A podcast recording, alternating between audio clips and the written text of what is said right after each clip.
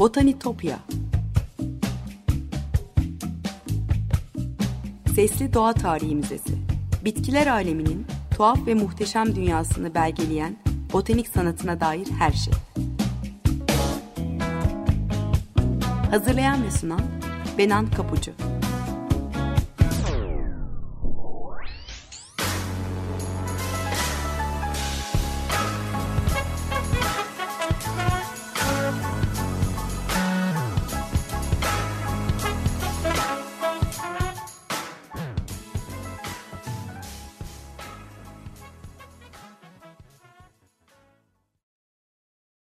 Merhaba sevgili Açık Radyo dinleyicileri. Botanitopya'ya, bitkiler aleminin tuhaf ve muhteşem dünyasına hoş geldiniz. Anlatıcınız ben Benan Kapucu botanitopya.gmail.com elektronik posta adresinden ya da aynı adlı Twitter hesabımdan her zaman bana ulaşabilir. Yorumlarınızı varsa anlatım konuyla ilgili katkılarınızı paylaşabilirsiniz. E, burada anlattığım hikayeleri görsellerle, küçük özetlerle desteklemeye çalışıyorum Twitter'dan. O yüzden takip olursanız çok çok mutlu olurum. Eski program kayıtlarına da Spotify'dan Açık Radyo Podcast üzerinden ulaşabildiğinizde tekrar hatırlatmak isterim. Sevgili dinleyiciler bugün size muz bitkisinin hikayesini anlatacağım çok tanıdık, her yerde bulunan, birçok dilin ve kültürün ortak paydasına duran ve tanınması çok kolay bir meyve. Biz muz demeyi seçmişiz ama Hırvatçadan Korece'ye, Finceden Japonca'ya neredeyse her dilde adı banana. Öte yandan da tanımlaması ve sınıflandırması bir o kadar da karmaşık. Bugün tükettiğimiz en yaygın, modern, yenilebilir muz olan Cavendish'in yabani atalarının kimliği henüz bilinmiyor. Bilim insanları bugün hala yüzyıllardır yetiştirilen yaklaşık 500 muz çeşitini belgelemeye çalışıyorlar. A Plant Humanities.org'da yayınlanan Ashley Buchanan yazdığı Bananas Chaos of Order makalesinden bu çok tanıdık meyvenin karmaşık melezleştirme öyküsünü aktaracağım size. Muz e, binlerce yıldır araştırmalara göre neredeyse 7000 yıldır yetiştiriliyor.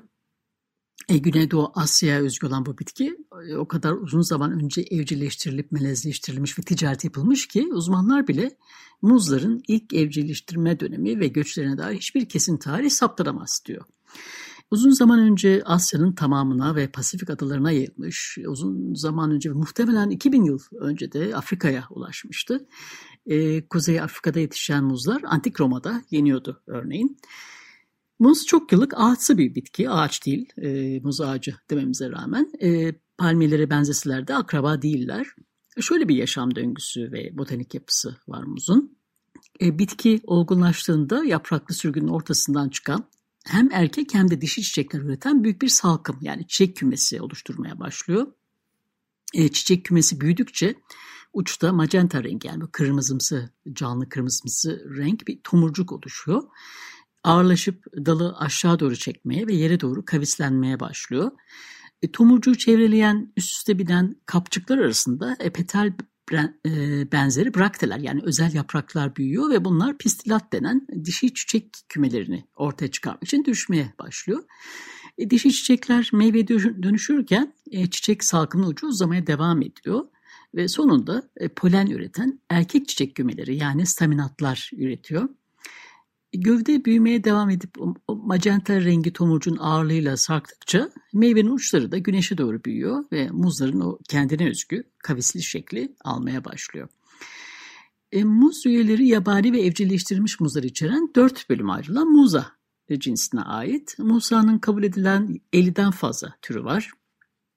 Doğal habitatı tropikal ve subtropikal Asya'dan Batı Pasifik'e kadar uzanıyor e, ticaret ve göç yoluyla muz çeşitleri Afrika'ya taşınmış ve burada daha farklı alt çeşitler özellikle plantin e, gelişmiş. E, plantin bilimsel adıyla Musa paradisica muzla karıştırılıyor bazen ama çok farklı. Daha fazla nişastaya sahip ancak pişirilerek tüketilen bir meyve.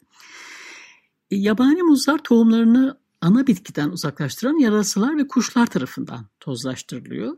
En önemli muz tozlaştırıcıları yarasılar. E, bazı türlerde birlikte evrimleşmiş birkaç yabani muz neredeyse yalnızca yarasalar tarafından tozlaşabiliyor. Bin yıl boyunca yarasalar ve kuşlar bitkinin çiçeklerini ve saçılan muz tohumlarını başarılı bir şekilde tozlaştırmış, e, genetik çeşitlilik üretmiş ve bu da besleyici, bereketli bitkilerle sonuçlanmış. Evcilleştirmeden önce yabani muz meyveleri inanılmaz derece tohumludur ve yenmesi zordur. E, bugün de var hala yabani çekirdekli türler. e, bilim insanları artık birçok yabani muzun partenokarpiye yani döllenmeden meyve üretme yeteneğine genetik bir yatkınlığı olduğuna inanıyor. 7000 yıl kadar önce insanlar e, bazı muz bitkilerinin çekirdeksiz meyveler ürettiğini fark etmişler.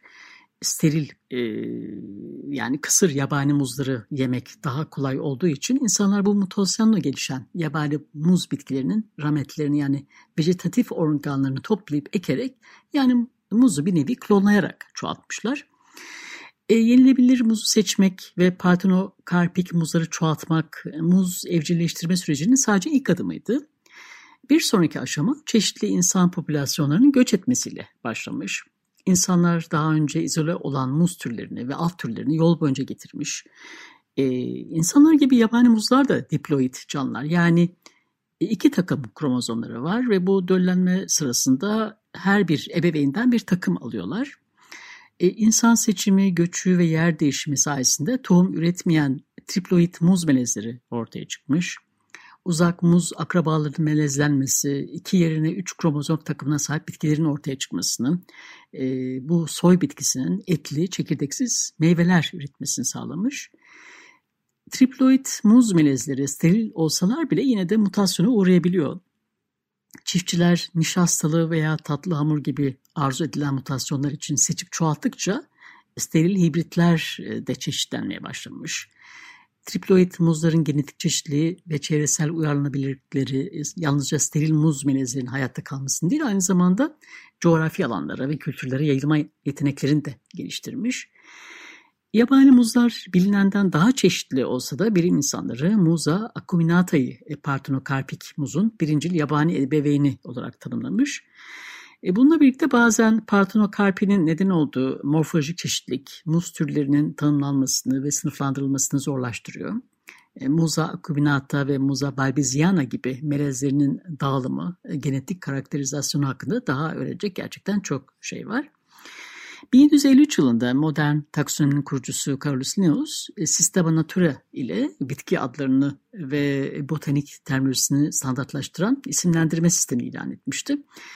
Sistemde dünyadaki tüm canlı organizmaları tanımlamak için e, Latince binom adlarına yani ilk adı cinsi, ikinci adı türü belirten e, Latince binom adlarına ek olarak Linnaeus bitkileri üreme özelliklerine göre gruplandırmaya veya sınıflandırmaya da odaklanmıştı. E, yüzyıllarca Avrupa'da farklı kataloglamaların yarattığı bitki isimleri ve gruplama kaosuna düzen ve standartizasyon da böylece e, getirmiş oldu. E, Lineal sınıflandırma sistemi yüzyıllar boyunca revize edilmiş, değiştirilmiş ve ilave edilmiş olsa da e, iki terimli isimler yani binominal adlandırma sistemi yaklaşık 250 yıldır büyük ölçüde rakipsiz bir sistem. Linnaeus taksonomisinin uluslararası kabul görmesine ve uzun ömürlü olmasına e, rağmen onu adlandırma sisteminin belli sınırlamaları var ki bunu muz örneğinde de görebiliyoruz. Linnaeus insan manipülasyonun ürünü oldukları için evcilleştirilmiş bitki türlerini dikkate almamış. E, Linnaeus tarafından tanınan iki yabani muz türü Muza e, paradisica ve Muza sapientum aslında evcilleştirilmiş yenilebilir çeşitlerdi.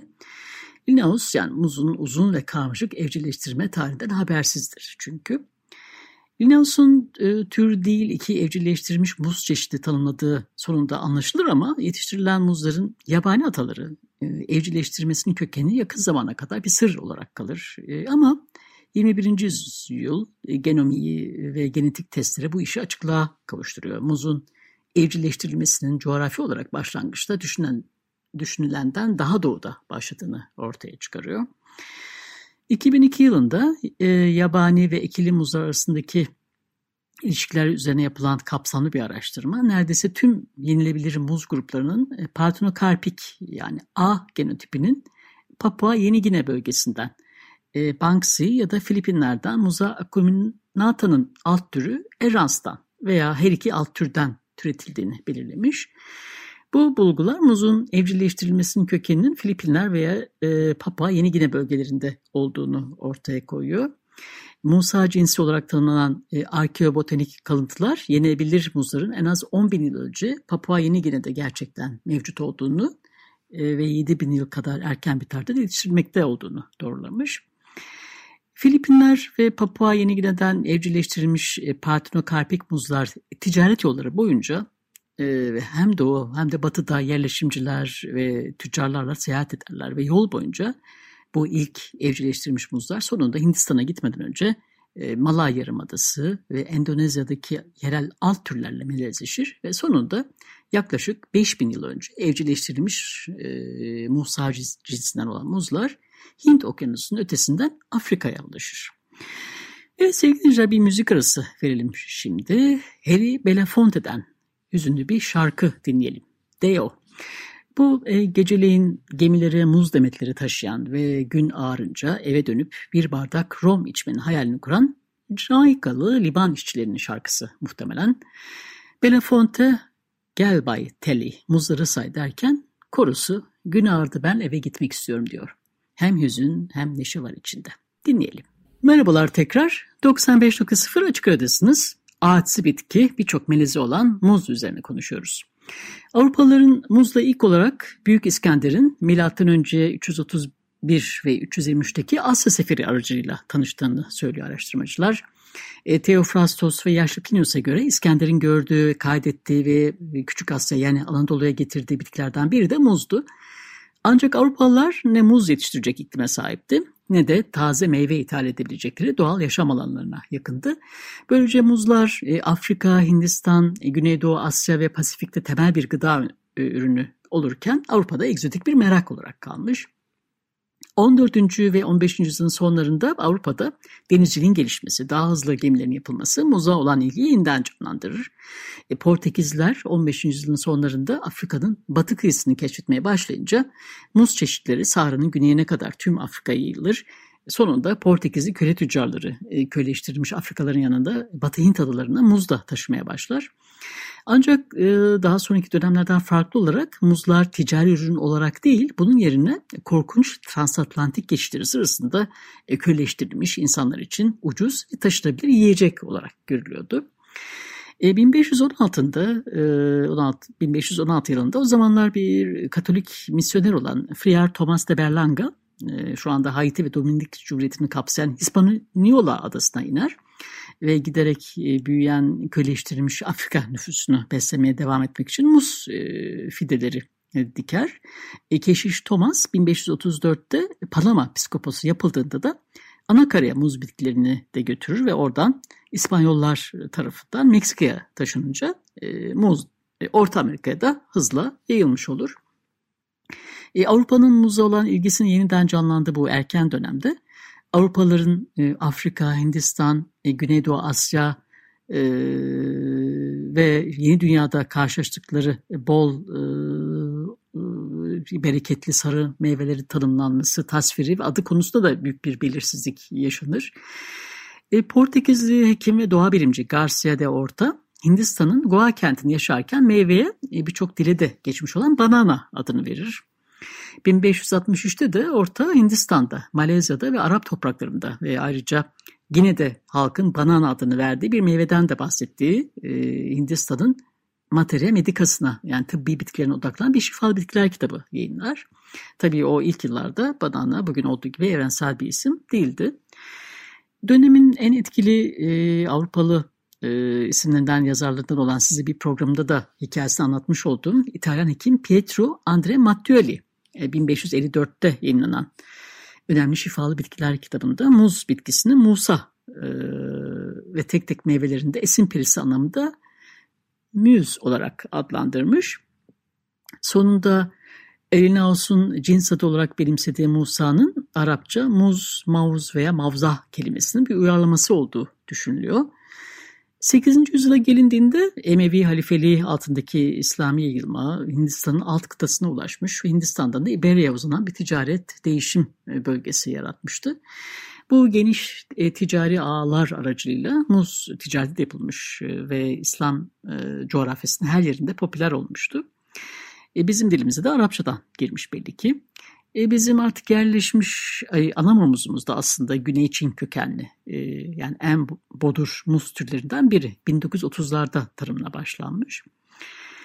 Orta Çağ sonlarında İslam coğrafyasıyla temas halinde olduğu için e, Mattioli gibi İtalyan hekimler ve doğa bilimcileri muz için Arapça bir isim seçmişti. E, ve belki de bu yüzden İtalya e, bu muzu İtalya'ya tanıtan ibn Sina gibi hekimlerin yazılarını benimsemişti.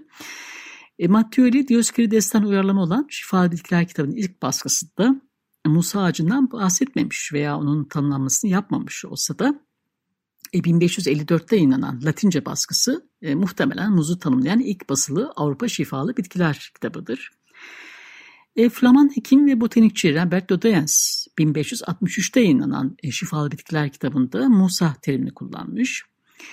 Mattioli ve ortadan farklı olarak Dodens, Musa veya Moz ağacının bir çizimini de eklemiş. E, Mattioli 1565 yılına kadar olan baskılarında muzun resmine yer vermemiştir. Edo Dens'in muz ağacı tanımlamasını ve resmini 1556 e, yılında Levant'a yolculuk yapan e, Fransız Fransisken rahip André Töve'nin seyahatnamesinden almış olduğu biliniyor. E, Töve muzun salatalığa benzediğini söylemiş ama yanındaki resmin muza hiç ben, benzememesi onun aslında gerçek bir muz bitkisi görüp görmediği konusunda şüphe uyandırıyor. E, Levant'a gelen Avrupalı gezginlerin muzu dalında değil pazarlarda görmüş olması daha olası araştırmacılara göre. Dodens e, Şifalı Bitkiler kitabında muzların Hindistan, İran ve Venedik tüccarları aracılığıyla e, ticaretinin yapıldığını belirtirken e, Mattioli bitkinin e, Kıbrıs, Mısır ve hatta Sicilya'da zaten yetiştiğini iddia etmiş. E, Güney İtalya'nın sıcak iklimiyle birlikte İslam toprakları temas ve ticaret İtalya'nın e, Avrupa'da muhtemelen botanik bahçelerinde olduğu kadar özel alanlarda da e, muzları e, yetiştirmeye çalışan ilk bölgelerden biri olduğu anlamına e, geliyor. E, muz için Arapça kelimenin benimsenmesi, isimlendirmede bir miktar standartizasyon sağlasa da evrensel kullanımda uzaktır e, o zaman. Aslında muz için çelişkili isimler de verilmiş. E, daha da kafa karıştırıcı olan konu e, muzun cennet bahçesinin yasak meyvesi olarak anlatılmış olmasıydı. 16. ve 17. E, yüzyıllarda e, Mattioli, Dodens Carus Clisius ve Andrea Cesalpino gibi yazarların şifalı bitkiler kitaplarında muz cennet bahçesinde büyüyen bir ağaç diye anlatılır. Ve bu anlayış 18. yüzyıla kadar devam eder. Elinius, Musa Cliffortiani kitabında bu fikri reddettiğini yazar e, coğrafi kökenleri e, başta palmiye ağaçları ve hurmalarla ilişkilendirilmiş e, olması ve cennet bahçesinin ağacı sayılması nedeniyle muzlar Hint inciri olarak da anılırmış. 17. yüzyıla gelindiğinde muzlar e, Karayipler ve Orta, e, Orta ve Güney Amerika'nın tropik bölgelerine eğilmiş ve yol boyunca günlük beslenmenin bir parçası olmuş. Avrupalılar e, bitki, şifalı bitki kitapları, doğa tarih kitapları ve seyahatnameler aracılığıyla e, muzları tanırken e, muzlar aslında kıtada yaygınlaşmaz. Yani nadir bitkilerden biri olmaya devam eder. Yalnızca gezginlerin keyif aldığı egzotik bir meyvedir muz o zaman. E, Linnaeus bile canlı bir muz bitkisini görmek ve incelemek için Hollanda Doğu Hindistan şirketinin zengin finansörü ve yöneticisi George Clifford'un bahçesine ve serasına başvurmak zorunda kalır. Hollanda'da Hart, e, malikanesinde e, Linnaeus'un yardımıyla e, Clifford, Muza acuminata ve Muza belbiziana'nın bir melezini başarıyla çiçeklendirir. E, nadir ve egzotik muz bitkisinin başarıyla çiçeklenmesi ve ardından meyve vermesi o kadar önemliydi ki Linnaeus bitki üzerine Muza Cliffordian adlı bir inceleme yazar. Alman botanik e, ressamı e, George Ehret inceleme için hem Clifford'un çiçekli muz bitkisinin resimlerini hem de Linnaeus'un yeni bitki sınıflandırma sistemini anlatan oyunlu şemayı çizmiştir. E, görsellerini paylaşacağım bu resimlerin e, Twitter adresim üzerinden. Daha önce anlatmıştım hatırlarsanız. E, Linnaeus'un talimatıyla Ehret bitkinin üreme yapılarını veya çiçeklerin ayrıntılarını eklemeye başlar ve bilimsel bitki çizimi için bugün hala geçerli olan yeni bir standart yaratır. Orta ve Güney Amerika muzunun büyük bir küresel meteye dönüşmesi, buharlı gemilerin ve soğutma sistemlerinin gelişmesiyle ancak 19. yüzyılda olur. Bu yenilikler sayesinde iç savaştan sonra muzlar Amerikan şehirlerinde gelmeye başlar. Yeniden yapılanan Amerika'da muzlar e, sağlıklı ve uygun fiyatlı bir meta olarak görüldüğü için giderek daha popüler hale gelir. Ve büyük şirketler nakliyesi daha kolay, e, daha karlı, e, tüketiciler tarafından arzu edilen muzları yetiştirmeye odaklanır. E, zamanla sert kabuğu ve tatlı tadı e, sayesinde, tatlı lezzeti sayesinde özellikle bir muz çeşidinin e, seçilmiş bir mutasyonu pazara hakim olmaya başlar. E, burası muz cumhuriyeti mi e, diye soruyoruz ya, o fenomeni, e, fenomen nasıl doğmuş ondan söz edelim. E, yine makaleden çevirerek aktarıyorum size. 20. yüzyılın başlarında UFC gibi çok uluslu e, Amerikan şirketleri muz cumhuriyeti denen fenomenin yaratılmasına neden olmuş. UFC e, ve diğer şirketler Honduras ve Guatemala gibi muz üretimini destekleyebilecek ortamlara e, sahip e, Orta ve Güney Amerika ülkelerinde devasa araziler satın alıp devasa altyapılar inşa ederler. Ve bu ülkelerin çoğunun gelişmekte olan demokratik veya istikrarsız hükümetleri vardır. Ekonomileri de tek bir ürün olan muz ihracatına, e, ihracına bağımlıdır. E, bir ülkenin altyapısına ve zenginliğine böylesine hakim olan bu şirketler, işçi sınıfını sömüren ve yabancı şirketlerin ekonomik çıkarlarını destekleyen yozlaşmış diktatörleri de, e, diktatörlükleri de destekleyerek o ülkenin e, o ülkelerin hükümetlerine de hakim olmaya başladılar. E, muz cumhuriyetleri de doğmuş olur böylece. Bugün e, Cavendish muzu yetiştirilen ve ihraç edilen baskın muz çeşidi olmaya devam ediyor. E, bilim insanları muz genetiği ve genomları üzerine çalışarak e, muz melezlerin çeşitlendirmenin ve canlandırmanın yolunu arıyor. Genetik rekombinasyon, genetik mühendisi yoluyla tıpkı Güneydoğu Asya'daki toplumların binlerce yıl önce yaptığı gibi yeni melezler üretmek için muzun köken hikayesini çözmeye çalışıyorlar. E, muzları nasıl seçtiğimizi, melezleştirdiğimizi ve çoğalttığımızı yeniden düşünmenin ötesinde muz çeşitlerinin nasıl sınıflandırılacağı da yeni araştırma konuları arasında. 1955 yılında Norman Simmons ve Kenneth Shepard'ın geliştirdiği muz çeşitlerinin görünür morfolojisine dayanan e, kromozomal sınıflandırma yerine e, genom tabanlı bir sınıflandırma sistemi geliştirmeye ve bu melezleştirme karmaşası içerisinde kaç çeşit muz türü olduğunu bulmaya çalışıyorlar. Evet sevgili dinleyiciler, e, Botanitopya'daki keşif yolcumuz bu haftada buraya kadar. E, Plant Humanities.org'da Ashley Buchanan'ın Bananas e, Chaos Out of Order makalesine dayanarak muzu ve onun karmaşık melezleştirme hikayesini konuştuk. Program destekçilerime gönülden teşekkür ediyorum. Haftaya tekrar görüşünceye dek sevgiyle ve duayla kalın.